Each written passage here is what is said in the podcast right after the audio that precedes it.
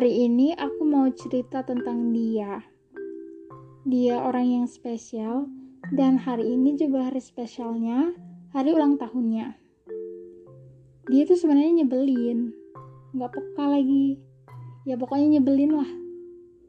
Kalau bahas tentang dia itu nggak ada habisnya dan nggak bakal cukup kalau di sini. He is my favorite person.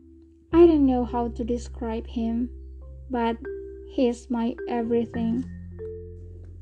Ada banyak hal sih yang pengen aku omongin ke dia, tapi nanti jatuhnya kayak banyak omong gitu ya.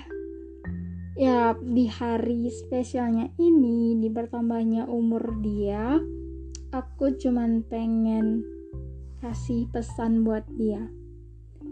Jangan pernah bosan untuk selalu berusaha jadi orang yang lebih baik lagi setiap harinya.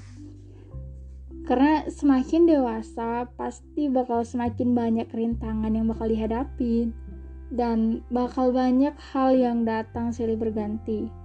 Mau itu hal yang buat senang, sedih, marah, kecewa, but jangan pernah merasa sendiri. Dan jangan pernah lupa untuk bersyukur atas semua hal, semua nikmat, sekecil apa pun itu yang dikasih Tuhan.